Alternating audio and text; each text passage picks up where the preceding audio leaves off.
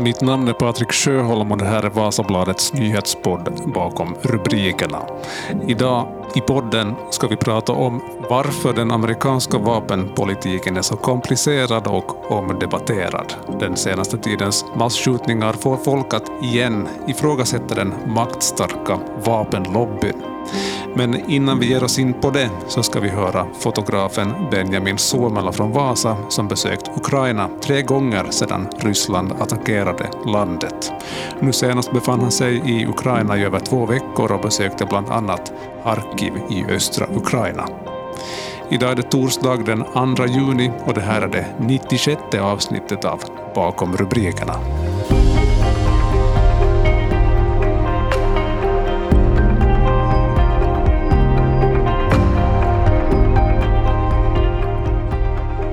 Ja, ja tackar. För jag, är- jag är hemma i Helsingfors och, och det där spenderade då två och en halv vecka i Ukraina. Uh, vi började i Odessa, åkte vi ner till Mykolaiv, sen via Dnipro till Harkiv och från Harkiv till Kiev. Och såklart, uh, alltså alla de här nämnda städerna så uh, är ju på det sättet i, i olika, olika faser av kriget om man kan säga så. Att till exempel uh, Odessa uh, så är ju en ganska sådär välfunktionerande stad fortfarande. Uh, var uh, klart att vissa före, företag och vissa butiker har, har lagt ner. Uh, men, uh, men staden fungerar ganska normalt. Människor har börjat jobba på nytt. Det, börjar liksom, det finns liv på stan. Men sen samtidigt så präglas det såklart över att uh, det finns en, en stor risk att, att uh, det kommer in inkommande missiler då in till uh, staden. Men de har ju som tur inte ännu uh, lidit av liksom, uh, trupper som har kommit längs med marken över till, till Odessa. Mm. Men, äh, men sen samtidigt lite, så liksom, vad blir det, en, en och en halv timme från Odessa i Mykolaiv. Där igen så är det bara vad var det, runt 30 kilometer till frontlinjen. Mm. Och där är det igen situationen helt annorlunda Ja. eftersom, eftersom äh, ryska trupperna kan liksom skjuta in artilleri in i stan Mm. i princip. Så ja, det ser helt annorlunda ut. Så, så liksom kanske det att äh, de olika städerna är liksom i olika faser av kriget och ja. Mm. Vad, vad tycker du så här i efterhand då du tänker tillbaka? Att vad, vad var det som berörde dig mest under ditt besök där? Um, det är klart, ja, det är jobbigt att, att, att alltid att möta, möta människor som, som um, har, har ingenstans att åka. Att de är fast i, de, i, i, i vissa byar som konstant blir uh, bombarderade med artilleri. Och uh, det är kanske en av, en av de liksom, sorgligaste uh, scenerna man då, man då ser, uh, bemöter. Uh, också det att liksom, det finns en massa, massa egen, liksom, människors egendom och, och de har blivit av med liksom, familjemedlemmar. Och så det också har varit liksom en... Då man har bemött de här människorna så har det varit jobbigt. Mm. Hur, eh, så, vi kan ju, vi, vi följer bara med rapporteringen och nyheterna härifrån, men hur, hur, är det för, hur var det för dig då du var där på ort och ställe? Att hur går det till i praktiken? Jag menar, du rörde dig ändå i krigszoner. Hur, hur liksom fungerar hela det arrangemanget där? Som vi liksom jobbar i, då vi jobbar i Ukraina så åker vi in så har vi ju såklart uh, eh, en, en person då som vi har jobbat med ända sedan kriget, eller till och med liksom före kriget började, så har vi jobbat med den här samma personen, Kostja Konstantin. Och uh, med hjälp av honom, så fun han fungerar som en översättare uh, slash chaufför liksom för oss. Och med hjälp av honom um, så, så kommer vi från plats A till plats B och det är inte liksom lätt att, att ta sig eller röra sig i landet eftersom det finns uh, ont om bensin. Så det måste man alltid försöka fixa någonstans ifrån. Men sen då vi åker in liksom i... Uh, och, och, och liksom alla delar av, av landet är ju såklart uh, uh, mer eller mindre farliga. Att, att, att, att till exempel liksom västra Ukraina är, är ju relativt säkert förutom att det finns också alltid risken att, att det blir liksom uh, att städer blir bombarderade av missiler från, från till exempel äh, från havet och Svarta havet. Men, äh, men, äh, men, men sen då, då liksom till, jag tar som ett till exempel bara att då vi åker in till Harkiv så det då en äh, ordentlig, liksom på riktig krigszon. Och då är det helt enkelt så att man har äh, skyddsutrustning med sig som, som, som, som då består av hjälm och uh, skottsäker väst och en viss typ av uh, sådana medical kit mm. som, uh, så, att man, så att man klarar sig ifall man ska hamna ut för någonting. Mm. Och, men såklart att vi, åker, vi har ju inte liksom på det sättet åkt in så djupt att vi skulle hamna kanske i, i fara av, av liksom skott, från liksom gevärskott eller något liknande. Mm. Men, uh, men sen skyddar det ju såklart uh, för liksom mot, mot uh, splinter och sånt mm. som, man, som då man, ifall man hamnar i, illa ute. Mm. Jag såg, såg på någon bild som du hade delat på din Instagram hur det ryker i... Det var, den bilden var väl tagen i Lviv efter en rysk missilattack. Var du någonsin rädd? Det var ju ändå relativt nära. Um, uh, rädd har jag varit, jo, men inte, inte, inte, liksom, inte där Nej. under den uh, situationen. Att, att det där, um, speciellt, okej, okay, situationen har ändrats lite, lite sen jag var i Riv äh, senast, senast men, men, äh, men då när vi var där så, så liksom, var jag ganska medveten över att de inte, liksom, ryska trupper hade, liksom, de hade inte bombarderat civilobjekt. Mm. Så på det sättet kan man liksom sova helt sådär gott, eller åtminstone jag kunde sova liksom gott uh, uh, om nätterna eftersom jag kanske liksom räknade med att det, det inte skulle hända. Men, men, det där. men nej, jag var inte, jag var inte på det sättet rädd, rädd mm. i, var i Men på något annat ställe? Mm, ja, alltså, man blir ju lite nervös. Ja. Och sådär. Uh, nu kan man väl säga att man är rädd också, men det är ju, liksom, det är ju bra att vara rädd för det, för då blir man mer alert Mm. Och kanske liksom sådär uh, hålla sig... Ja, man är liksom alert och, och försöker liksom hålla koll på läget hela tiden. Så att, uh, så att uh, ja, det är bra. Och det skulle liksom, man skulle vara orolig om man inte... Liksom, det, skulle vara liksom något fel på mig om jag inte mm. blir rädd. Ja, precis. Ja. Du... Men sådär, inte vet jag. Jag håller mig alltid jag håller mig ganska lugn och, mm. och liksom fokusera på det jag gör. Och, och, det där. och så vet jag att vi inte tar alldeles för onödiga risker. Och, och, och liksom, ja, det kanske som jag glömde nämna är att, att ifall man vill åka ut till, till liksom byar som har blivit till exempel befriade då av ryska trupper nära Harkiv så det, egentligen man kan åka själv men det är ganska riskabelt eftersom man är liksom Harkiv är så nära ryska gränsen. Liksom det är 25, 25 kilometer till gränsen från Harkiv. Mm. Så då åker vi oftast med då någon från uh, ukrainska armén som då tar oss. Liksom, vi, vi, vi blir egentligen embeddade med dem.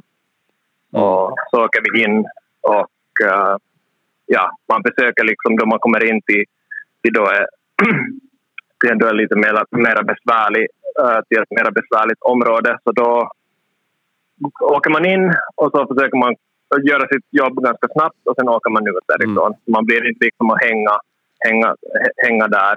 I, ja. Nej, precis. Alltså du, du jobbar ju som fotograf, du har rört dig på många olika platser runt om i världen. Har du redan hunnit på något vis i ett sånt här utzoomat perspektiv hur du ställer, dig, hur du ställer det här Ukraina-besöket jämfört med, med andra upplevelser och platser? Mm. Jag har inte direkt varit, inte liksom varit med om en liknande konflikt tidigare. Att, um, att det där, på det sättet gör det, här, det, det som gör det här så unikt tycker jag att, att liksom, eller som gör det farligt är att liksom, uh, de vapen man använder i, i det här kriget så är, är otroligt liksom, dödliga. Mm. Och, och, det, och, och liksom just det där att det, det, det skjuts så mycket artilleri att i, i de städerna var man är nära uh, frontlinjen så, så det där um, det är helt enkelt bara ganska farligt. Mm att man måste upp och liksom vara medveten om var man befinner sig hela tiden och hur. Och, ja.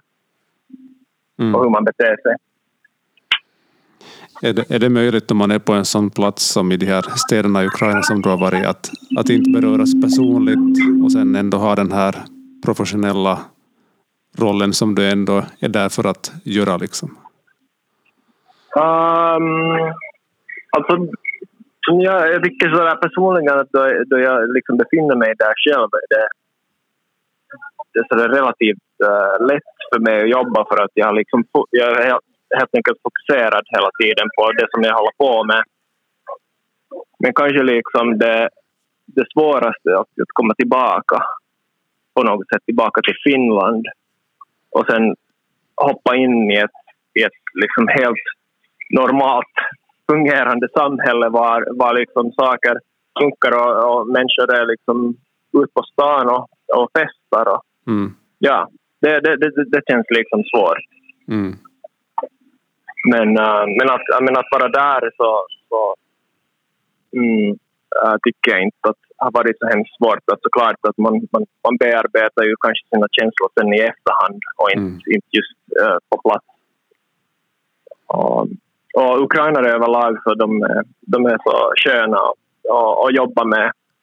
Och de är liksom så, så öppna, öppna människor. Liksom. Och, och man, man, man liksom frågar, frågar, frågar av dem så berättar de, öppnar de upp sig och berättar liksom hela sitt liv åt dig. Så det, det, som journalist är det, är det, ganska, ganska fint att jobba där. Mm. Hur ser det ut nu framöver för dig? Kommer det att bli flera besök till Ukraina eller? Um, no, som det ser ut så tror jag att kriget kommer att hålla på ett, ett tag ännu. Så förmodligen så blir det säkert att jag, att, att, att jag får besöka Ukraina på nytt men, uh, men inte på ett tag. Att det blir kanske, kanske senast, uh, kanske tidigast liksom i höst. Men får se. Får se. Jag måste ju ha sommarlov också emellan. Njuta ja. av finska sommaren. Tusen tack för det här Benjamin. Tack så mycket. Tack för att jag fick vara med. Nu mer än någonsin behöver självständiga, modiga och viktiga berättelser höras. Journalistik och pressfrihet är viktiga byggstenar i en välmående och stark demokrati. Vi här på Vasabladet vill ge dig den bästa bevakningen och rapporteringen om sånt som händer i samhället och i världen. Vasabladets nyheter hittar du i VBL-appen, nyhetssajten vasabladet.fi och via Radio Vasa. Kom också ihåg att vi finns på Facebook, Instagram och Twitter. Det är ett av de bästa sätten att stödja vårt arbete. Tack ska du ha.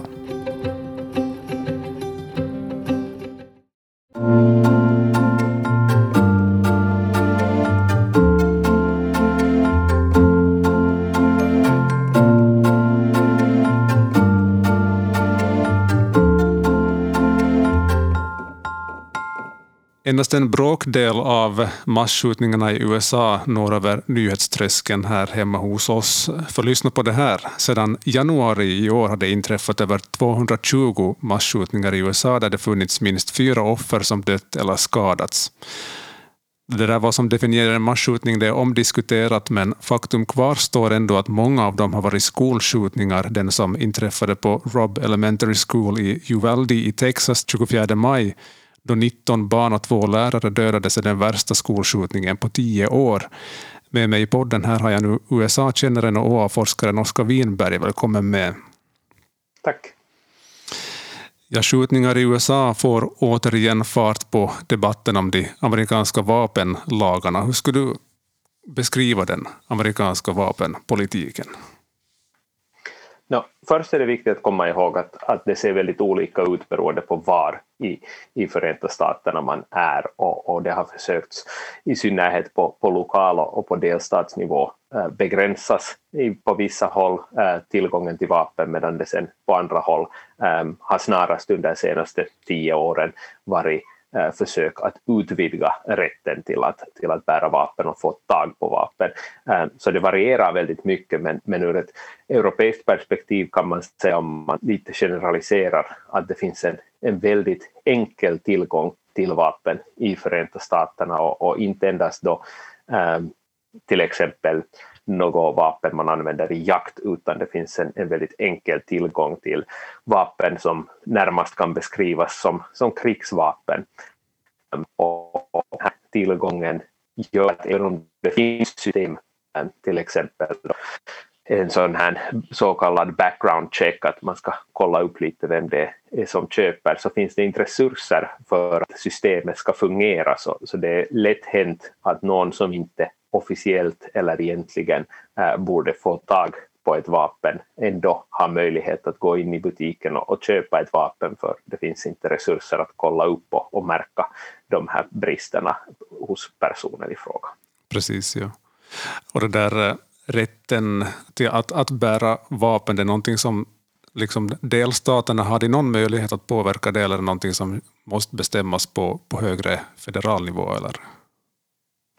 No, det här blir lite komplicerat och, och det är både en juridisk och, och, politisk fråga men, men rätten till att bära vapen i, i Förenta Staterna går ju att spåra tillbaka alltså till kolonialeran och, och till grundlagens eh, först, andra tillägg, alltså man 1791 kom med, med tio tillägg till, till den då väldigt nya grundlagen och, och det här andra tillägget talar om att, att det ska finnas att det behövs en milis för att, att trygga liksom en, en fri stat och därmed ska man inte begränsa rätten att bära och, och, och äga vapen. Och, och, den här rätten tolkades väldigt länge som kopplad till en milis, att, att det ska vara i samband med det äh, som, som man inte får begränsa och, och det är först under slutet av 1900-talet och, och under 2000-talet som, som en konservativ äh, majoritet i Högsta domstolen har börjat uppfatta det som en individuell rätt. Och så just nu ser situationen ut som så att, att det här, när äh, liberala städer, liberala delstater går in för att begränsa eh, tillgången till vapen och sätta diverse eh, krav på hur, hur det ska gå till för man får köpa ett vapen så har en konservativ majoritet i, i Högsta domstolen eh, omkullkastat de här begränsningarna. Eh, så det är både liksom lokalt och, och federalt det går till och, och just nu så ser vi att, att ett fall som är uppe i, i Högsta domstolen handlar om en lag som, som är från 1911 som i New York, delstaten New York säger att, att man måste ansöka om licens för att, att bära handeldvapen. Och eh, det här tvistas nu om huruvida det, det faktiskt är grundlagsenligt och, och allt tyder på då att, att Högsta domstolen kommer att omkullkasta den här lagen och, och därmed begränsa möjligheterna för, för lokala myndigheter att stifta starkare vapenlagar. Okej, okay. just det. Eh, det är ju som ofta när, när det sker nya tragiska massskjutningar så, så höjs de här rösterna igen om att vi, vi måste göra någonting. Så det, både, det finns de som försöker göra någonting och de som inte försöker göra någonting? Eller det, det, liksom det, det finns ingen klar, klar väg där? Det stämmer och, och, och det kanske är skäl att, att påpeka att, att de här rösterna, när man tittar i, i opinionsundersökning, så rösterna som säger att man måste göra någonting och att man måste ta tag i, i de här problemen som, som existerar, så är det faktiskt klara, till och med överväldigande majoriteter Eh, både republikaner och, och demokrater då, som, som stöder vissa av de här åtgärderna, till exempel att gå in för en, en fungerande universal bakgrundskontroll vid, vid inköp av, av vapen. Men den här majoriteten äm, av folket får då inte sin röst hörd i, i kongressen, delvis på grund av, av dess struktur som ger en slags de facto vetorätt åt, åt minoriteter i, i kongressen och delvis av att, att det finns politiska intressen, väldigt mäktiga sådana, som jobbar mot uh, reform av vapenlagarna. And in the last 10 days we've had elderly black people killed in a supermarket in Buffalo. We've had Asian churchgoers killed in Southern California, and now we have children murdered at school. When are we going to do something? I'm tired. I'm, I'm so tired of getting up here and offering condolences to, to the devastated families that are out there. I'm so tired of the, excuse me, I'm sorry, I'm tired of the moments of silence. Enough. Där hörde vi NBA-coachen Steve Kerr använda tillfället i akt att under en presskonferens rikta stark kritik mot att varför det inte görs någonting i USA mot att stoppa den här typen av massskjutningar och hårdare reglera tillgången till till vapen. Just de här vapenlagarna de seglar titt som tätt upp igen och i den vevan då den så kallade vapenlobbyn. Skulle du Oskar Winberg kunna berätta lite att vad är den här lobbyn för någonting och vilken position, vilket mandat har de i den amerikanska vapenfrågan?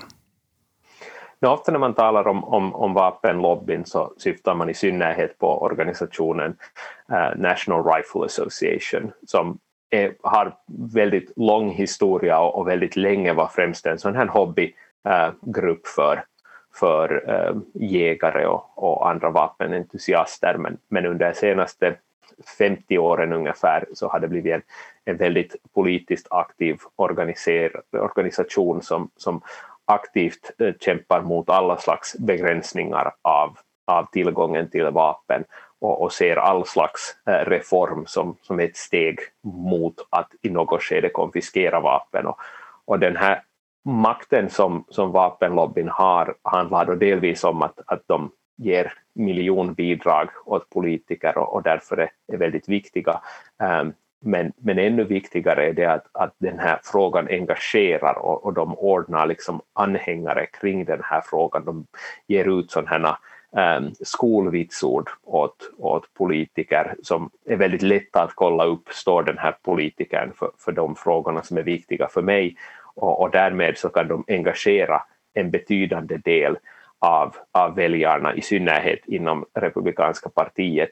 Um, och, och, den makten som, som kommer då till vapenlobbyn är en kombination av de här miljonbidragen och sen förmågan att engagera en, en liten men avgörande grupp av väljarna. Man får ju lite intrycket av att det enda som är ja, det vapentillverkarnas intressen väger nästan starkare än människan i många fall. Så är det ju onekligen att man, man får bilden av, och i synnerhet när man, man ser till exempel då den här National Rifle Association komma ut efter alla, alla slags massskjutningar efter, eh, på 90-talet efter terrordåd, Oklahoma City eh, bombningsdåd eh, och säga att, att lösningen här är inte då att, att begränsa tillgången till vapen och, och ändå så ser man ju att, att det är den stora skillnaden mellan Förenta Staterna och, och andra västländer som inte präglas av, av sånt här vapenvåld. Nu finns det ju också i Europa um, skolor med bara en dörr. I Europa finns det skolmobbning, i Europa finns det mentala uh, utmaningar och, och hälsoproblem. Uh, men, men det här problemet är mer eller mindre begränsat till Förenta Staterna. Ja, precis. Den här amerikanska vapenpolitiken den, den sticker ju nog ut på, på många sätt och det är nästan så att man har accepterat att skjutningar det är någonting som bara inträffar. Att på många amerikanska skolor så är det ju någonting man, man övar inför sådana händelser. Att man, man faktiskt har sådana genomgångar under läsårets gång, hur man agerar ifall det kommer in en gärningsman. Finns det, finns det stöd för, för liksom det nuvarande systemet med vapenlagar bland den amerikanska befolkningen, eller hur ser det ut? För det första så är, är, frågan då någonting som, som splittrar partierna om, om man talar om, om vapenreform um, så här generellt så, så är republikaner huvudsakligen emot det och, och demokrater um, väldigt starkt för, för reform. Um, när man går in på de här mer liksom specifika frågorna, till exempel borde man begränsa eh, någon, viss, eh, någon viss form av, av vapen eller borde det finnas någon eh, specifik licens eller tillstånd, eh, då brukar stödet vara väldigt högt. Eh, så de här sakfrågorna, för det finns det ett, ett, en folkopinion, men, men den här eh, bredare identitetsfrågan för eller emot vapen eh, så, så visar att, att man ser den där samma splittringen som, som präglar så mycket Eh, av amerikansk politik där, där ena partiet eh, är mer eller mindre mangrant på sin sida och det andra sen det motsatta. Och, och här är ju en, en utveckling som, som man har sett under senaste tio åren ungefär där, där ehm, um, NRA, National Rifle Association, alltså uh, är uteslutande nästan en, en stödorganisation för republikanska partiet och, och republikanska politiker har gått från att, att förespråka då en, en, en rätt till, till att bära vapen till att så aktivt um, ta med till exempel vapnen ehm, i sina julkort som man skickar så ser man republikanska politiker som poserar med, med stormgevär i handen. Ibland har hela familjen Eh, står beväpnad framför julgranen.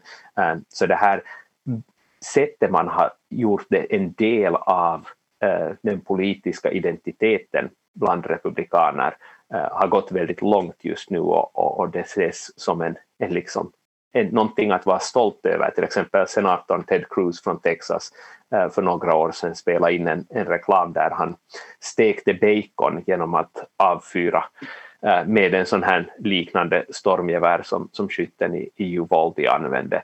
Eh, så värmde upp det där, det där röret, pipan på, på geväret och kunde steka bacon på det. Så den här identitetsutvecklingen har, har varit eh, markant under de senaste 10-20 åren.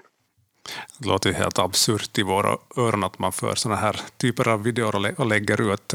Det pågår ju ett, eller det är snart påkommande ett mellanårsval i USA också. Jag antar att den här frågan, som många gånger tidigare, också är synliga i de valkampanjer som förs. Det är den och, och, och, här är ju någonting som, som har skett en utveckling om, om man tittar under de senaste tio åren där, där den här NRAs inflytande bland demokraterna har minskat men också eh, dess närvaro i kampanjerna har i den mån minskat att de som motsätter sig den här fria tillgången till vapen, de som förespråkar eh, reform av vapenlagarna, de organisationerna eh, har börjat växa sig starkare och är mer närvarande i valkampanjer. Så, så till exempel eh, om vi tittar tillbaka 10-15 år så fanns det många demokrater som, som försökte liksom lyfta upp att, att de har ett, ett gott skolvitsord hos NRA. Idag är det ganska ovanligt att se, utan istället så, så har Demokraterna eh, liksom tagit aktivt och eh, liera sig med de grupperingarna som, som förespråkar reform. Precis, ja. Ser man att det, vi, vi tittar förstås med, vår, med våra ögon på, på USA och den, de händelser som utspelar sig där och, och mycket av det de, de lagar och den politik som de har där så, så verkar så otroligt främmande för oss. Ser du att det finns några tecken på att det, att det skulle kunna komma att förändras över en överskådlig framtid eller är den här frågan så pass stark att eh, det kommer att fortsätta så som det är nu bara? Jag skulle säga att strukturellt eh, så ser det, liksom, ser det lite hopplöst ut på grund av hur amerikansk politik är uppbyggd, eh, hur svårt det är eh, att, att stifta lagar i, den här frågan, hur stark kontroll eh, konservativa krafter har över, över högsta domstolen. Men, men samtidigt så tycker jag nog att det finns skäl att, att vara hoppfull.